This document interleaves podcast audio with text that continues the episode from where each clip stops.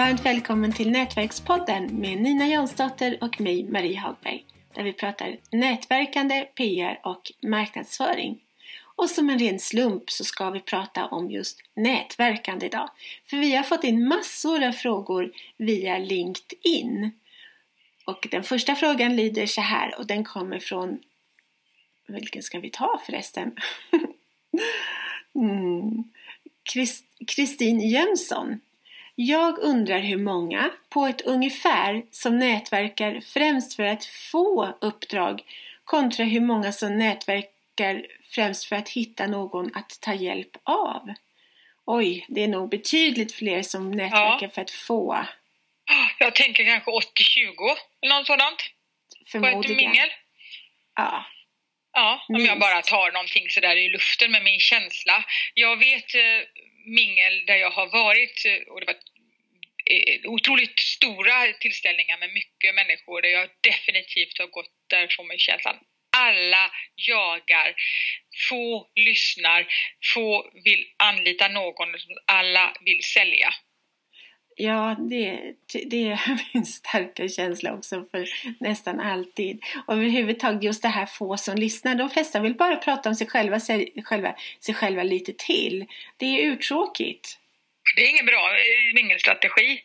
Men det är ju jättebra att använda nätverket när man söker en vara eller tjänst eller hjälp. Det är ju så att man, eh, många tänker inte på, många tänker nätverkande som att det handlar om marknadsföring, sälj. De, man tänker inte på att du faktiskt också kan få hjälp med saker som du behöver.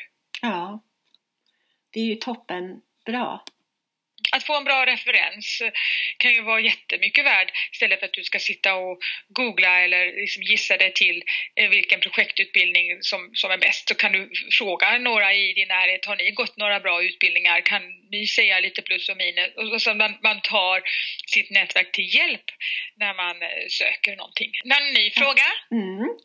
Det är faktiskt från en av våra favoriter, nämligen Thomas Tränkner. När känner ni att det blir för mycket nätverkande? Nej, det kan aldrig bli för mycket nätverkande. Jo, det kan det definitivt bli. Till exempel när jag liksom fastnat på Twitter eller någon annanstans och istället för att skriva färdigt en artikel som ska ut i Metro eller någonting, då blir det för mycket. När jag inte liksom, eller, eller att jag är så mycket ute på, eh, på mingel och, och det är personer som jag skulle vilja eh, följa upp och träffa men att jag känner att jag hinner inte det. Ja, då... Och att jag inte hinner liksom följa upp kontakterna ordentligt för att istället springa iväg på nästa mingel istället för att följa upp kontakterna från mingel nummer ett. Då tycker jag det blir för mycket. Ja, ja. Nej, om man tänker så. Jag tänkte helt andra banor. Man kan aldrig nätverka för mycket, det är roligt. Nej, det, det, men eh, alltså nätverkandet har ju olika aspekter då. Mm. Som jag säger att följa upp kontakter är ju en jätteviktig del av nätverkandet och, och är du då så mycket överallt så att du med så många och i så många sammanhang så att du inte hinner följa upp och fördjupa. Då tycker jag att man ska minska antalet mingel och, och verkligen eh, ta tillvara på de kontakterna som du har istället för att springa efter fler. Ja. Jag, men jag är dålig på det själv för att det blir hela tiden ganska mycket. Men då behöver jag då blir jag lite bättre på att säga nej under någon period. Att nej, eh, ja. Eller jag tar inte just nu förutsättningslösa möten därför att jag just nu har jättemycket att göra och måste avsluta vissa grejer. Sen har jag lite bättre tid för att ses bara för att det är kul. Hmm. Förutsättningslösa möten tar jag aldrig någonsin. Eller så det är klart om det är någon jag träffat som verkar trevlig. Då kan jag kanske tänka mig. Men för, hör folk av sig till dig då efter att de har träffat dig? Ja, absolut. Mm. Det är nästan aldrig någon som hör av sig till mig efter att vi har träffats. ja, och ibland är det inte de som jag i första hand vill ska höra av sig. Ibland är det de som jag skulle vilja höra av sig gör inte det. Och andra som kanske mer jag upplever eh, bara vill ha saker och inte vill ge. Och då blir jag lite mindre benägen att vilja nätverka med just dem. Ja, ja. Så har vi en fråga från Anna Joyce, eller Joyce, jag vet inte hur man uttalar hennes namn. När man har mycket att göra, som de flesta entreprenörer har, hur är det mest strategiskt att tänka när man blir inbjuden till en businessfika eller dylikt av någon man just har träffat och dessutom får många sådana erbjudanden? Bör man träffa alla som frågar eller bara utvalda? Hur har ni gjort? Det var ju precis det vi pratade om. Ja, och där är det Alltså jag går mycket på magkänslan och mycket på om jag verkar gilla personen. Eh, och, och, inte liksom så mycket efter bara nyttan. För jag tänker att om jag gillar personen så kan vi hitta någonting att eh, liksom göra tillsammans. Så har jag tänkt många gånger under mitt nätverkande och haft många gånger rätt där också. Mm. Men eh, det är, det, alltså man skulle ju kunna Eh, ställa frågan, alltså vad finns det för agenda för mötet eller någonting. och för att känna lite grann på pulsen, för när det bara är träffas för att det är roligt. Det är jätteroligt utvecklat, utvecklande att träffa människor. Men om man har lite tid, då kan man kanske inte ha så roligt varje dag. Nej, jag brukar ofta fråga, hur kommer det sig att du vill träffa mig? Ja, att, vad ska det gå ut på? Ja, ja. Och, och eh, jag jobbar i och för sig visserligen själv med nätverksmarknadsföring men, men att jag inte är intresserad av att liksom träffa någon under ett förutsättningslöst möte bara för att den ska ha möjligheten att försöka sälja på mig någonting. Jag tycker att man ska vara uppriktig från början med vad det är man vill säga. Ja, det gillar ju inte jag när man säger jag vill träffas och jag säger okej okay, vad handlar det om? Ja, det får du se då. Det, det, det funkar inte så bra för mig. Men det verkar vara en framgångsrik strategi för många. Ja, ja. Att boka möten så. Ja. Funkar ja. inte för mig. Nej, inte mig heller. Och sen så vill jag inte heller, usch vad jag är negativ, men jag vill inte heller träffa sådana som bara vill träffa mig för att liksom plocka min hjärna. Um, få reda på hur man gör PR till exempel. Då tycker jag att de kan hellre boka en tid med mig och betala för att få ta reda på mina kunskaper. Såvida de inte lyssnar på Nätverkspodden förstås. Då berättar jag ibland. Jo, men eh, ibland, typ hela tiden. eh, nej, men jag tänker att är det en konsulttimme man vill ha, då får man liksom boka in det och betala för det då. Ja, det får man faktiskt göra. Ja, Jenny Karlsson undrar, hur nätverkar man bäst när man är ambivert? Då får du förklara det uttrycket Nina.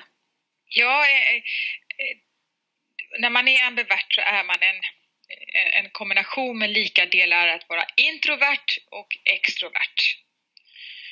Och en introvert person eh, kan ju tycka då det är jobbigt med att eh, vara för mycket ute på livemingel och ta för många kontakter för man är mer intresserad av liksom fördjupande eh, möten och, och, och, analysera saker än att splittra sig för mycket och man kan också bli väldigt trött av eh, att ta många liksom, ytliga möten. Medan en extrovert person får energi och näring och inspiration av att gå på möten. Så man går, när man har varit på ett mingel så, så känner man en extrovert person känner sig mer upplyft då medan en introvert person kan känna sig mer dränerad. Ja. Och då tänker jag hur den kombon där då, men det är en väldigt bra kombo att vara ambivert för då kan man växla mellan rollerna. Och då tycker jag det bästa är en kombination av, av eh, lagom mycket mingel, laga mycket på nätet och hitta den, den bästa kombinationen där. Jag tycker överhuvudtaget att det bästa nätverkandet är en kombo av live och på nätet och sen kan en del människor tycka det passar bättre att nätverka på nätet och en del tycker att det är bättre att träffas live. Och då hittar man sin kombo. Ja, när jag bodde hemma i Stockholm då var jag väldigt extrovert. Men nu, men det beror ju för sig också på att i Växjö, nu bor jag i Växjö av alla ställen. Och här händer absolut nada. Ingenting någonsin. Du försöker ju ibland att anordna träffar. Ja, och jag har gett upp för det är ingen som kommer möjligen så kan de höra av sig och säga att ah, jag kan komma imorgon. Det var ju idag jag ville gå. Liksom hitta på någonting. Imorgon har jag andra planer. Så att liksom, ja. Så här är jag introvert till tusen. Jättetråkigt, men sånt är livet. Och därför jobbar du mycket via nätet? Ja. ja. Och då ska vi se här, då har vi en fråga från Jan Norström. Var går gränsen för när LinkedIn börjar bli en kopia av Facebook? Jag menar frankt när personens, personers bekräftelsebehov i egen sak tar överhanden. Har själv blockerat personer vars seriositet i mitt tycke fallerat. Oj. Ja, men eh, det är en del som redan säger att det är som Facebook så jag vet inte, det är nog, en tyck, eh, det är nog lite tycke och smak. Eh, men, och jag menar personer med bekräftelsebehov finns ju på alla och det gäller ju alltså att vi är sociala varelser alla som har ett, att ha ett bekräftelsebehov och vilja tillhöra en flock och få beröm och, och vara duktig och få vara med. Det är helt liksom grundläggande mänskliga egenskaper men sen så kan det bekräftelsebehovet visa sig på olika sätt och via sociala medier ibland gå överstyr, ja. Ja. Och det ser jag både på LinkedIn och på andra eh, plattformar. Så det, jag, vi, vi, är redan där. Liksom. Jo. Och då kan man välja själv om man inte vill nätverka med de personerna som man tycker tar den typen av plats där det stör en. Och då får man nätverka med andra som man tycker tillför någonting som mer gagnar det liksom win-win till i lika delar. Men jag tycker så här att, att var går gränsen? Själv tycker jag att det är väldigt arbetsrelaterat på LinkedIn, vilket jag tycker är toppen. Men till exempel, jag läste en person, hon jobbar med sockerberoende och då, tycker, då är det vissa som tycker, ja men hör inte det där hemma mer på Facebook? Men vad då? Hon jobbar ju med, med sockerberoende, då är det klart att hon ska få prata om det på LinkedIn, tycker jag. Ja, och då visar det ju liksom allt detta att vi tycker och tänker olika. Nena tycker det är självklart att inte ska, andra säger klart hon får. Och eh, då får man ju själv göra som man tycker att det passar en själv och ens egen karriärstrategi. Men man får stå ut med att andra tycker att en del av det du gör är fel. Ja, ja. och det var sista frågan. Vi får, men vi tar fler frågor framöver. Och varmt välkommen att höra av dig med frågor och frågeställningar som du tycker att vi ska ta upp i Nätverkspodden. Det är bara att höra av dig. Och så, Fråga på! Ja, och som vanligt blir vi glada om du vill skriva en, en fin recension på iTunes. Då blir vi jätte, jätteglada. Tack för idag! Det här avsnittet presenterades av webbtjänsten Hjälp en journalist.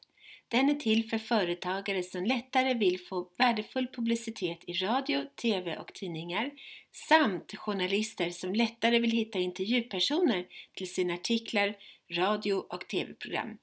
För mer information gå in på www.hjälpenjournalist.nu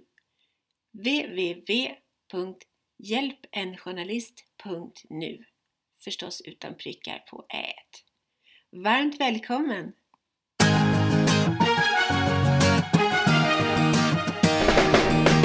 Tack för att du har lyssnat på Nätverkspodden om nätverkande, PR och marknadsföring med Nina Jansdotter och Marie Hagberg.